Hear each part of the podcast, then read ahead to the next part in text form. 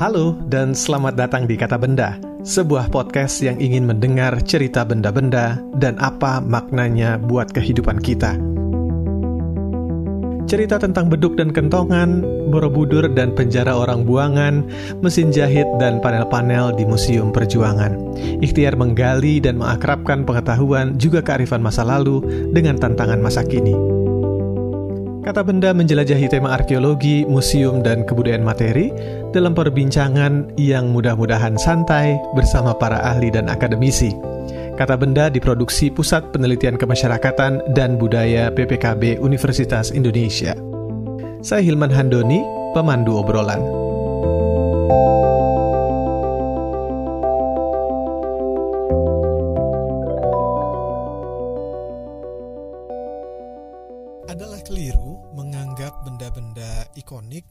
Adiluhung, langka, eh, semacam arca dan prasasti misalkan adalah satu-satunya sumber informasi atau makna atau dokumen sosial dan budaya. Benda sehari-hari yang melimpah, yang kita konsumsi, kita buang, dan seterusnya juga bisa bermakna. Dari stroller misalkan, eh, dorongan bayi, kita belajar kontradiksi atau bahkan rekonsiliasi bahwa membesarkan anak itu ya nggak mesti di rumah terus. Jadi orang tua juga bisa mobile.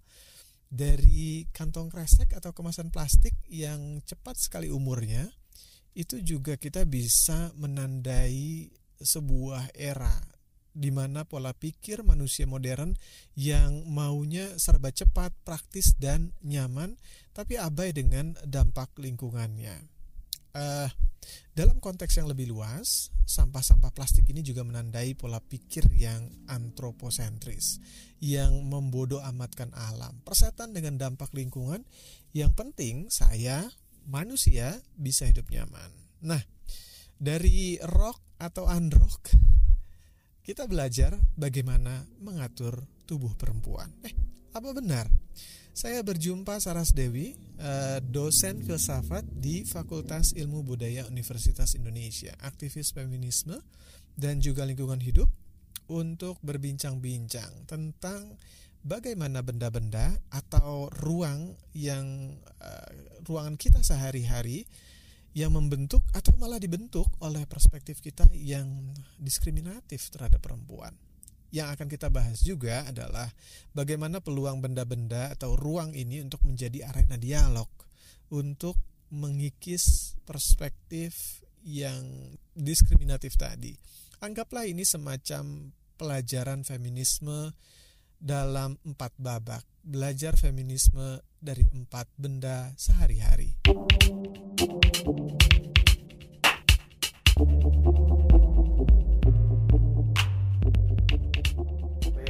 Pertama adalah rock mini.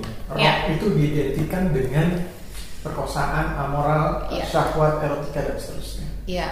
Jadi saya rasa juga itu lekat dengan suatu pola pikir masyarakat yang masih sangat patriarkis yang intinya adalah menempatkan khususnya tubuh perempuan itu sebagai suatu standar moral gitu ya. Jadi alih-alih kita punya peran yang setara di dalam menciptakan ruang hidup yang aman, saling menghormati, bermartabat. Uh, alih-alih kita mencapai itu dengan suatu kerjasama yang setara, tetapi yang terjadi adalah justru uh, bentuk-bentuk uh, uh, kesewenangan uh, khususnya menyasar pada tubuh perempuan. Hmm. Nah, kalau tubuh perempuan pada suatu ketika juga kan standar-standar itu berubah terus ya, mbak hmm. ya. Hmm. Uh, katakanlah di di arca-arca di candi-candi itu tubuh perempuan dibiarkan begitu saja dan itu menjadi bagian dari yang suci begitu. Hmm. Tapi kemudian sekarang harus ditutup dan seterusnya. Ini hmm. sudah berlangsung lama. Ceritanya bagaimana sih eh, sehingga tubuh perempuan itu diidentikan dengan segala macam yang Iya, ya. Um, saya rasa apa yang menarik ya soal cara berpakaian perempuan dalam ya. hal ini pertanyaan Mas Hilman tadi soal rok mini. Hmm eh, lagi-lagi bahwa karena tadi uh, perempuan dianggap sebagai uh, suatu monumen moral, maka monumen itu dia harus selalu mengikuti suatu bentukan dari atau ekspektasi dari masyarakat tersebut gitu. Jadi jika ada kekerasan yang menimpa perempuan tersebut, maka dianggap sebagai kesalahan dari uh, si pemakai rok mini tersebut. Tentunya di awal seperti yang tadi sudah saya sampaikan, kita hidup di masyarakat di mana uh, problem dari gambaran itu adalah dehumanisasi. Maksud dehumanisasi saya begini, bahwa perempuan sebagai korban kekerasan dia tidak ditempatkan uh, dia tidak ditempatkan sebagai manusia yang independen dan otonom tapi hanya sebatas pada uh, suatu asumsi itu hmm. bahwa perempuan diasumsikan seperti ini perempuan diasumsikan seperti itu jadi dia tidak pernah kemudian menjadi subjek yang mandiri hmm. Tapi ya. dehumanisasi yang lainnya adalah juga pada pelaku kekerasan itu bahwa um, apakah kita setuju ber, berkesepakatan bahwa uh, para pelaku yang melakukan uh, pelecehan seksual atau pemerkosaan mereka adalah makhluk yang uh, tidak sanggup mengekang uh, dirinya sendiri gitu. Apakah kita puas dengan status pelaku yang atau manusia yang seperti itu? Jadi i, um, siklus kekerasan yang basisnya uh, ketimpangan gender itu siklus yang mendehumanisasi baik itu korban maupun pelaku. Menurut saya kita harus sama-sama bekerja untuk mengubah keadaan itu. Itu satu. Nah kedua mengenai bagaimana juga um, cara representasi perempuan dari sepanjang peradaban. Um, Simone de Beauvoir pernah mengatakan hal yang sangat menarik bahwa antara perempuan itu sama sekali digambarkan sebagai uh, perempuan yang liar tidak bermoral bahkan perempuan nakal hmm. atau perempuan itu di di disanjung di dalam kuil dipahat uh, menjadi uh, perwujudan manifestasi Mahadewi Dewi yang begitu ditinggikan jadi dua polarisasi yang ekstrim itu juga menurut saya um, bukan suatu pandangan yang fair gitu ya, bukan suatu pandangan yang fair. Maksud saya begini, tidakkah perempuan punya peran-peran lain selain mengisi eh, posisi-posisi uh, yang diasumsikan oleh sosial? Tidakkah perempuan bisa jadi hal-hal yang lain gitu? Tapi dia selalu berada pada uh, titik ekstrim moral antara dia sama sekali orang yang baik-baik gitu atau suci atau murni atau dia itu pendosa tidak ada yang di antaranya. Menarik soal uh, dua polar tadi, dua uh, polarisasi tadi, hmm. uh, memakai bra atau tidak, lalu uh, memakai kebaya atau bergamis dan berkerudung, rok di bawah atau di atas lutut. Ya. Uh, ini kan sering kita menabrakkan dua kontras itu sebenarnya ya. Yang satu melambangkan apa, yang satu melambangkan ini. Nah, sebenarnya bagaimana sikap yang mestinya uh, bijak bisa kita ambil dari dua polarisasi tadi bahwa uh, terserah perempuan dong, misalkan untuk memakai kerudung ya nggak apa-apa, tapi nggak pakai kerudung juga nggak apa-apa. Bagaimana sikap yang bijak, Mbak? Persis menurut saya yang bekerja saat kita mewajibkan orang untuk berpakaian yang ter yang uh, uh, yang muncul sebagai simbol um, apa ya simbol standar uh, masyarakat itu yang menurut saya bentuk-bentuk kontrol atau pengendalian terhadap uh, tubuh perempuan. Jadi apa pun yang ingin digunakan, entah itu pakaian tradisional, entah itu pakaian modern, atau bahkan kita ingin kita ingin menerobos dengan uh, banyaknya kultur sekarang uh, tidak ada lagi um, semacam uh, ekspresi yang biner gitu bahwa laki-laki harus pakai warna biru, perempuan harus pakai warna pink. Sekarang um, kita melihat banyak perubahan gagasan tentang bagaimana kita mengekspresikan diri yang tidak lagi terjebak pada stereotipikal yang esensialis gitu. Jadi apa yang kemudian muncul belakangan ini bagaimana tubuh perempuan diatur mengenai apakah Uh, jangan sampai menggunakan cadar karena cadar itu representasi suatu ideologi yang tidak diinginkan. Lagi-lagi um, saya rasa kita mengulangi apa yang telah terjadi sebelumnya dengan uh, perempuan yang mem memakai rok mini gitu. Saya nggak melihat suatu perbedaan yang fundamental. Hmm perempuan itu jauh lebih kompleks daripada pilihan pakaiannya gitu. Perempuan itu punya kemampuan yang lebih dari sekedar uh, bagaimana ia berbusana gitu. Itu buat saya uh, sangat masih sangat dangkal. Baik. Itu uh, babak kita yang pertama, benda kita yang pertama, rock, bagaimana itu dihubungkan dengan pengekangan dan juga pengaturan tubuh perempuan yang dihubungkan lagi dengan moralitas dan seterusnya. Dan tadi juga sudah disebut bahwa uh, sampai sekarang kita masih dicekoki warna merah jambu itu adalah perempuan, warna biru itu adalah laki-laki. Padahal di tahun ya, sebelum 45 itu ya ini murni uh, buatan industri. Pun dulunya warna merah jambu juga diidentikan dengan laki-laki karena warna itu konon katanya lebih kuat. Tapi saban kita menengok teman yang baru melahirkan atau senantiasa kita pasti bertanya dulu, ini laki-laki atau perempuan anaknya? Supaya kita bisa mencocokkan uh, warna pada kadonya si laki-laki uh, diberi mainan action figure, sementara yeah. perempuan adalah boneka Barbie. Atau mobil-mobilan. Atau mobil-mobilan, atau konstruksi. Iya, bangunan, betul-betul. Kita melihat uh, bagaimana mainan-mainan mainan ini justru uh, bisa mengekalkan uh, pola pikir yang tidak sehat itu, atau hmm. justru bisa menjadi peluang untuk kita uh, membentuk sebuah perspektif yang sehat.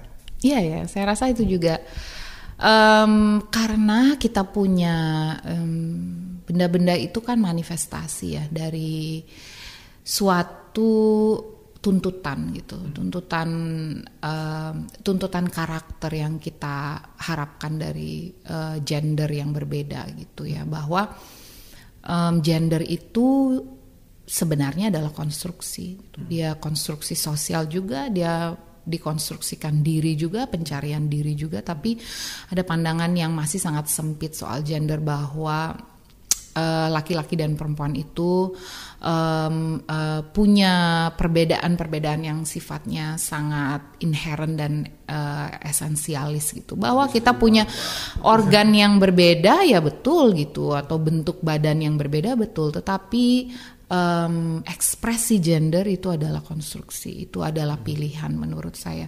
Jadi ketika kita mengasumsikan bahwa laki-laki lebih senang uh, dengan mainan mobil-mobilan dan uh, anak gadis lebih senang main dengan boneka itu juga sudah ada tadi yang saya sampaikan suatu yang binary gitu ya soal uh, uh, lelaki dan perempuan bahwa laki-laki um, itu adalah um, sosok yang uh, tidak boleh emosional, lelaki itu tidak boleh punya uh, kerapuhan.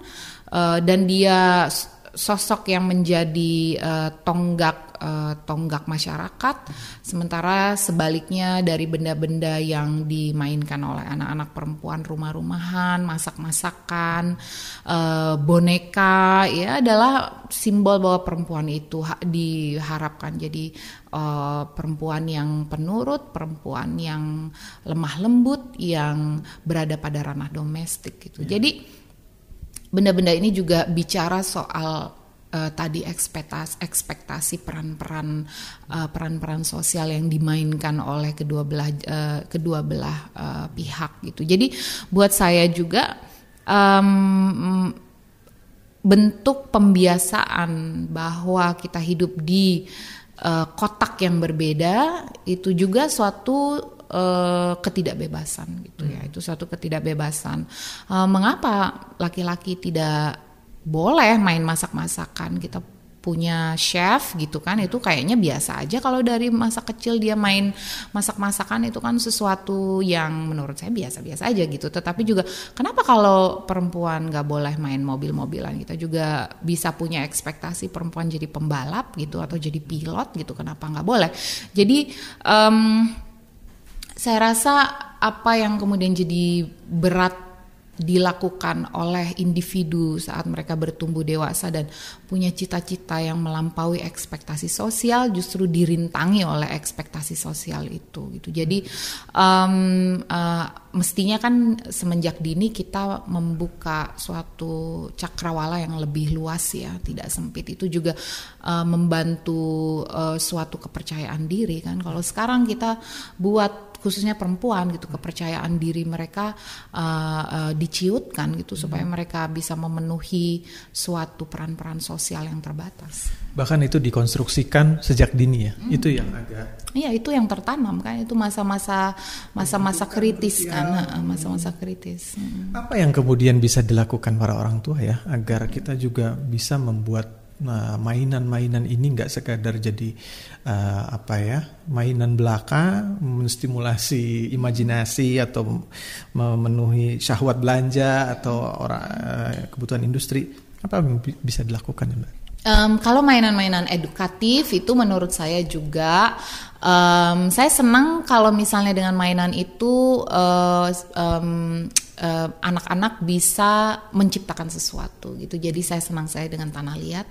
Um, tanah liat, play-doh itu selalu menjadi menurut saya mainan yang merangsang anak-anak untuk kreatif gitu ya.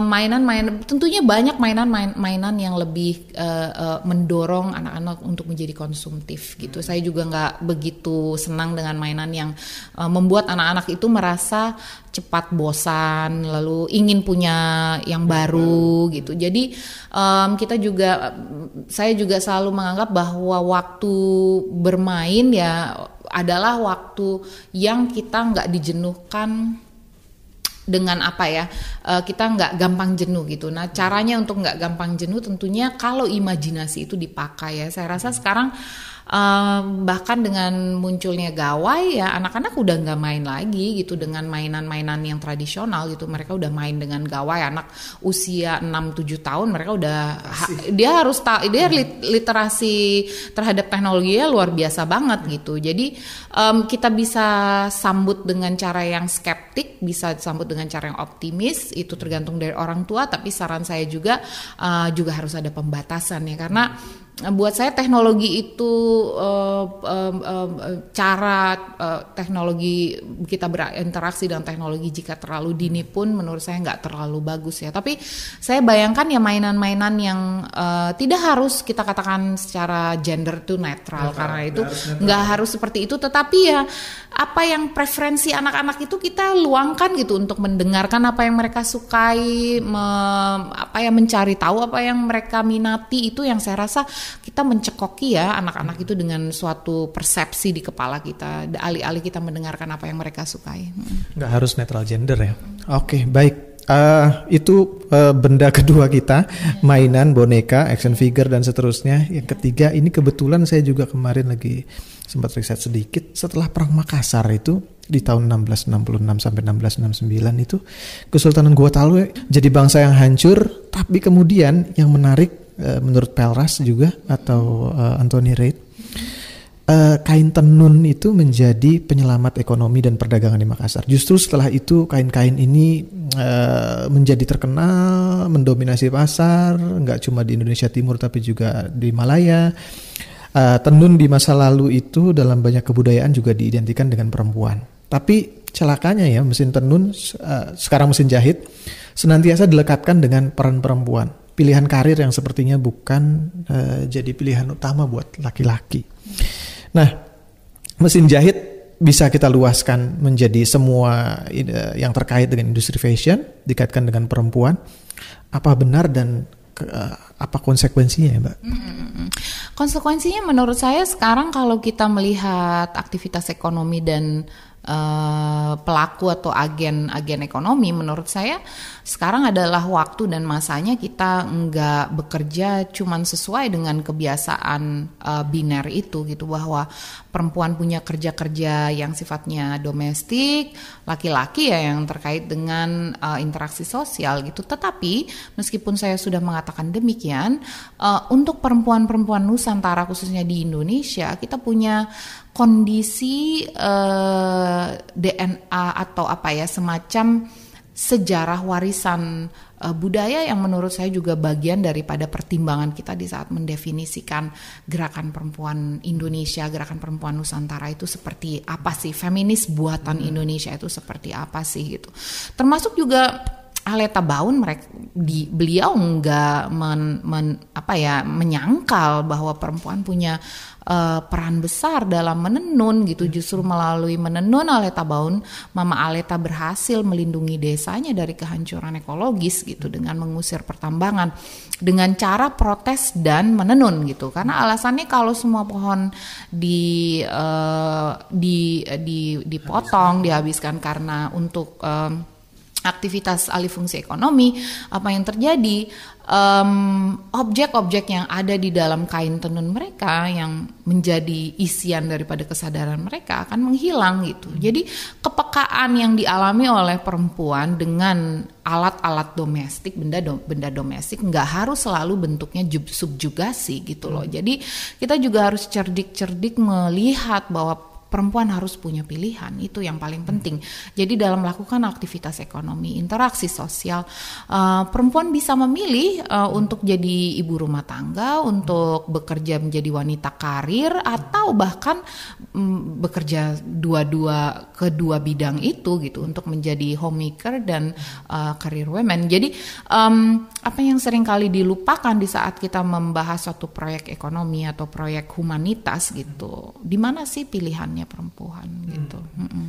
Intinya adalah keleluasaan dan juga pilihan-pilihan itu dibuka aja nggak mesti betul. A dan ya. siap itu ya, betul. itu ya. Betul.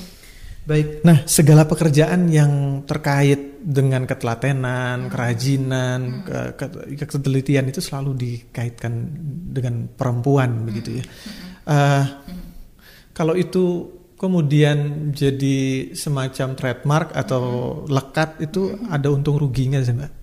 Um, um, uh, buat saya itu agak-agak ada jebakan juga ya di nah. sana. Jebakannya itu begini. Kalau um, dan ini sudah di riset, banyak riset soalnya, termasuk bimbingan saya mahasiswi saya seorang mahasiswi teknik um, um, dan dia mengambil subjek mewawancarai mahasiswi mahasiswi metalurgi. Hmm Uh, dan juga teknik terapan gitu. Jadi dia punya narasumber-narasumber yang intinya seperti Mas Hilman tadi bilang gitu. Di Science and Technology and Mathematics perempuan itu dikit kehadirannya gitu. Tetapi kehadiran kejarangannya perempuan yang ada mengambil tema itu dianggap suatu sesuatu apakah STEM itu cocok buat perempuan gitu. Apalagi uh, bidang teknik ya yang butuh mungkin uh, kesanggupan fisikal gitu yang buat saya sebenarnya itu bisa dipecahkan dengan teknologi gitu. Tetapi katakanlah kita mengikutilah pola pikir pola ini gitu. Jadi oke. Okay, um, apa yang dijumpai oleh mahasiswi saya uh, Andi Pratiwi adalah uh, bentuk-bentuk lagi-lagi diskriminasi dan stereotip yang sangat uh, yang sangat anti pada empowerment terhadap perempuan gitu. Jadi tantangannya sekarang adalah melalui uh, afirmasi positif harusnya kita itu mendorong lebih banyak perempuan hadir di STEM hmm. gitu. Um, kalaupun um, ternyata kalaupun ada peneliti perempuan mahasiswi lulusan uh, perempuan lulusan STEM bekerja uh, di bidang yang uh, uh, selaras gitu mereka pun ternyata di posisi-posisi yang kurang terkait dengan keilmuannya langsung. Misalnya hmm. contohnya perempuan-perempuan ini dianggap sebagai ya karena perempuan hati-hati jangan megang cen, hmm. jangan megang uh, uh, besi yang uh, mas, maksudnya jangan ngelas gitu ya karena ngelas itu kayaknya kerjaan maskulin gitu. Apakah pantas perempuan itu ngelas atau sanggup nggak sih perempuan itu ngelas? Yang padahal dia sanggup gitu. Tetapi opportunity-nya kesempatannya selalu dihalangi. Itu satu. Kedua, dia selalu diberikan tugas-tugas yang tadi bahwa karena dia telaten, hmm. dia rajin hmm. di dalam kerja-kerja riset kelompok tugasnya mencatat. Yeah. Jadi ketelatenan yang tadinya adalah pujian, dia bisa jadi suatu um, dia bisa jadi suatu batasan gitu. Harus hati-hati betul. yang padahal juga kalau saya disuruh ngelas juga bisa kalau mau. Dan sekali lagi teknologi yeah. ada di situ untuk membantu kita. Betul. Dan sebenarnya bukan itu saja ya masalah mm -mm. problem uh, ekonomi pekerjaan buat perempuan. Ada juga soal uh, upah misalkan. Iya iya iya. Atau situasi kondisi kerja iya. begitu ya. Iya betul. Apa saja ya yang dihadapi perempuan itu dalam konteks dia bekerja uh, sebagai uh, kepala rumah tangga bahkan? Mm -mm. Uh, apa saja yang dihadapi diskriminasi diskriminasi? Iya, um, bisa di bidang akademia gitu ya, misalnya sebagian besar eh, dosen-dosen yang ada di departemen filsafat saya ambil um, uh, inilah uh, pengalaman pribadi lah. Dosen-dosen filsafat di uh, UI itu sebagian besar adalah laki-laki. Ada perempuan berusaha untuk menyamai jumlahnya, tapi uh, mungkin uh, kelak uh, bisa ada bisa uh, ada representasi yang uh, setara Setara. gitu ya. Uh, tetapi pertanyaannya adalah yang lebih terkait dengan hak politis atau lebih terkait juga dengan um, hak ekonomi, uh, apakah ada pemba, apa ya pembayaran upah yang setara? Itu juga equal pay adalah uh, uh, adalah sesuatu yang diupayakan uh, oleh feminis gitu ya hmm. bahwa ruang-ruang profesi ini buk, tidak cukup bahwa ada keragaman gender dan kesensitifan gender di sana bahwa uh, laki-laki dan perempuan jumlahnya harus paling tidak harus quote, uh, apa ya paling nggak harus setara tetapi juga ada rekognisi pada kesetaraan pem, pembayaran gitu tidak cukup dengan pem, uh, rekognisi upah tapi harus ada ruang yang aman hmm. yang uh, di mana perempuan tidak harus selalu was-was dengan bentuk-bentuk harassment hmm. atau pelecehan Um, dan yang terakhir adalah soal rekognisi pada perbedaan uh, tubuh gitu ya, karena tubuh perempuan dan tubuh laki-laki itu berbeda gitu. Hmm. Tapi untuk mengultimatum seorang karyawati hanya karena dia ingin memiliki anak dan kita yeah. takut itu tidak akan uh, se, se, setim apa ya se kompatibel dengan uh, keinginan dari perusahaan itu menurut saya lagi-lagi memberikan so apa yang disebut sebagai uh, standar uh, uh, beban yang berganda untuk perempuan. Bahwa untuk bekerja saja dia sudah susah saat dia bekerja sosial punya ekspektasi untuk dia untuk memikul beban keluarga, tetapi dia dihalangi juga oleh lingkungan kerja. Jadi um, apa yang disebut di dalam feminisme ini yang disebut interseks, uh, interseksionalitas bahwa perempuan itu di persimpangan dan ditabrak oleh begitu banyak problem gitu ya. Jadi ekonomi, agama, hukum, lain sebagainya punya keterbatasan dalam melihat uh, perempuan di ruang publik gitu. Hmm. Jadi um, soal upah yang setara, uh, rekognisi terhadap perbedaan tubuh itu juga nggak diterjemahkan secara baik kan ke dalam hmm. ruang profesi gitu. Hmm. Bahwa buru-buru perempuan mereka butuh um, uh, mereka butuh uh, suatu dispensasi saat merasakan menstruasi hari pertama itu adalah hak gitu ya. Gimana cara kerja yang aman nyaman um, yang humanis kalau tidak bisa mengakomodir perbedaan-perbedaan tubuh itu. Oke, okay, nah uh, itu ada begitu banyak layer ya, eh, lapisan-lapisan uh, permasalahan atau tantangan yang dihadapi perempuan mulai dari tubuhnya sendiri, mulai dari hukum, agama dan seterusnya. Nah, kita beralih ke babak terakhir dan kita mengenal di sini ada yang namanya rima, kasur, dapur dan sumur, sumur. ya kan? Itu rima ya. Tapi kita nggak nggak nggak nggak nggak ketiganya lah. Meskipun mungkin dalam satu hal mereka semua merepresentasikan hal yang sama. Perempuan ada di di bagian dalam rumah. Nah, ada sebuah penelitian di India uh, di dapur dan meja makan menjadi perlambang peminggiran perempuan habis-habisan yang berujung pada malnutrisi dan gangguan kesehatan. Kenapa? Karena perempuan harus menyiapkan makanan untuk anak dan suami, kadang-kadang keluarga suami atau keluarganya sendiri. Jika rumahnya menyatu dan saat pekerjaan itu selesai, dia harus bekerja sampingan. Jika makanan kurang, dia harus memastikan anak dan suaminya cukup dulu makan dan itu artinya mengambil jatah makanan dia. Lalu dia bekerja di dapur lebih lama dengan sirkulasi udara jelek dan kadang-kadang menggunakan perapian yang syarat polusi. Akibatnya ya tentu saja ada gangguan kesehatan. Nah, celakanya juga dapur ya tadi diidentikan dengan perempuan. Di sini kita mengenal Rima tadi. Uh, dapur bisa diandaikan sebagai ruang di mana uh, fungsi merawat kehidupan yang melekat pada perempuan diperpanjang bagaimana prosesnya hingga uh, dapur ini identik dengan perempuan ya mbak? Ya ya ya ya. Um, karena udah diambil contoh India, saya ingin uh, juga coba me meriksanya dengan perangkat uh, dari feminisme gelombang ketiga ada. Hmm para feminis multikultur yang dari tadi saya udah banyak rujuk.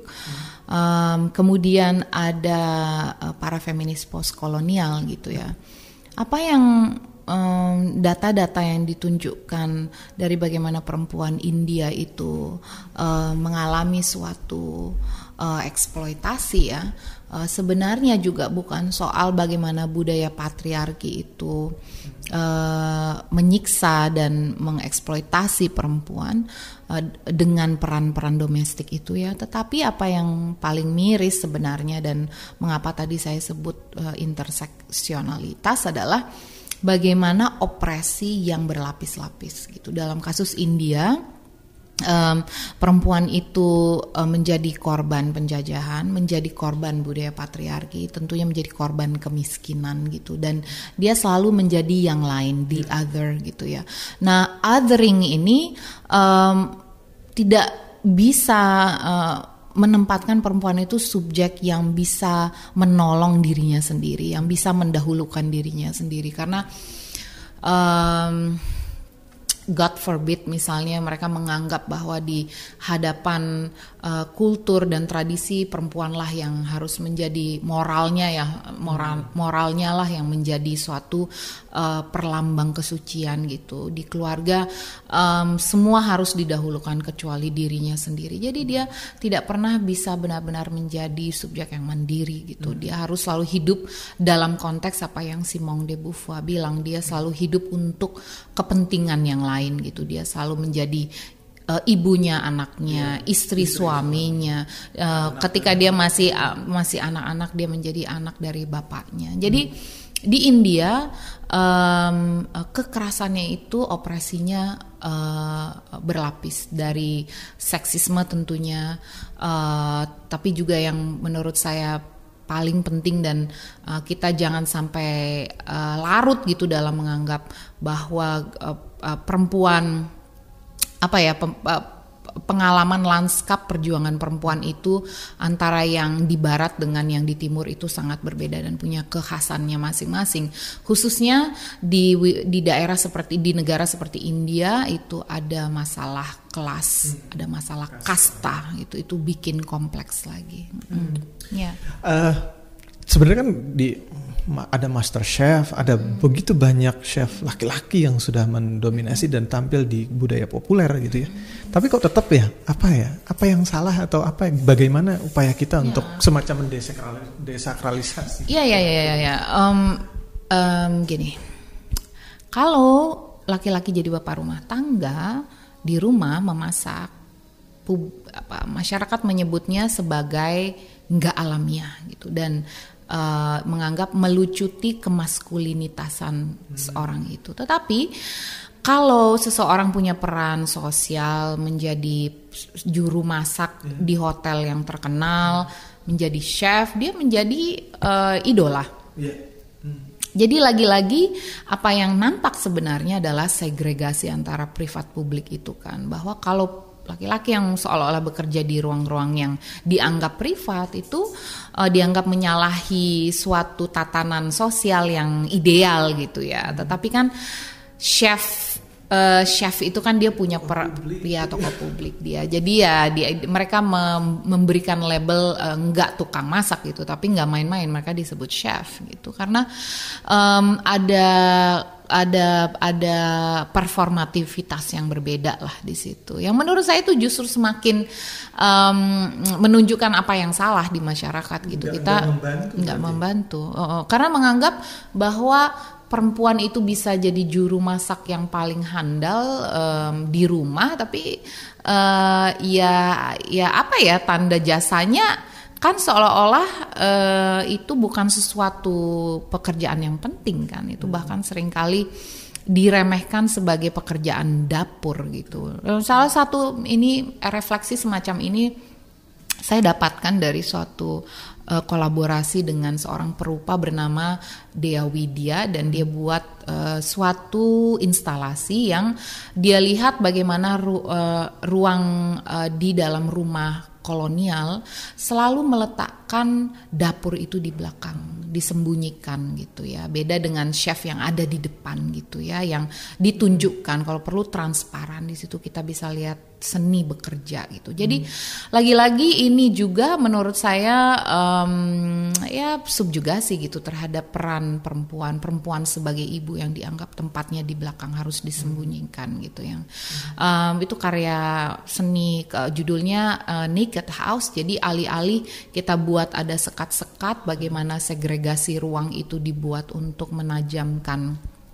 suatu uh, diskriminasi kita buat dia telanjang gimana kita buat dia transparan gitu hmm. itu suatu pemberontakan juga terhadap ruang dalam pengertian yang paling diskriminatif hmm. jadi dapurnya chef itu dengan dapurnya yang ada di rumah tuh beda ya hmm. dapurnya publik dibuat beda untuk mengkultuskan suatu kendali kan sebenarnya hmm. Hmm. Ya.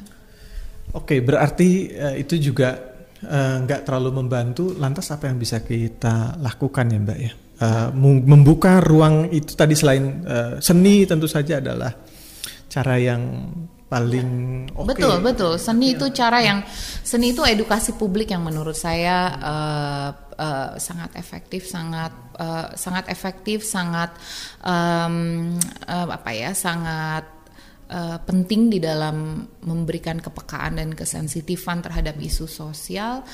Um, tentunya kebijakan ya, apa yang bisa kita lakukan kita harus upayakan kebijakan-kebijakan yang lebih punya kepekaan terhadap kesetaraan, terhadap keadilan gender. Uh, dalam berbagai bidang ya uh, um, saat ini menurut saya bentuk-bentuk uh, uh, produk-produk kebijakan belum menyasar ke sana meskipun ada pengarus utamaan gender dari institusi-institusi menurut saya penghayatan pada premis-premis itu premis kesetaraan itu masih setengah hati di uh, dilakukan uh, oleh individu. Hmm. Dan tapi sebenarnya makanan juga kan dalam banyak film ya kebudayaan populer juga jadi ruang atau jadi meja makan tuh jadi tempat tempat kita bisa diskusi banyak hal. Ya. Sebenarnya yeah. juga itu peluang kita untuk berdiskusi dengan yeah. anak, dengan partner, dengan orang tua begitu ya, yeah. untuk menerabas batas diskriminasi itu. Mm -hmm. Mm -hmm. Itu juga bisa kita lakukan ya, nggak usah mm. tabu gitu ya. Ya tentunya pada tingkat yang paling dasar.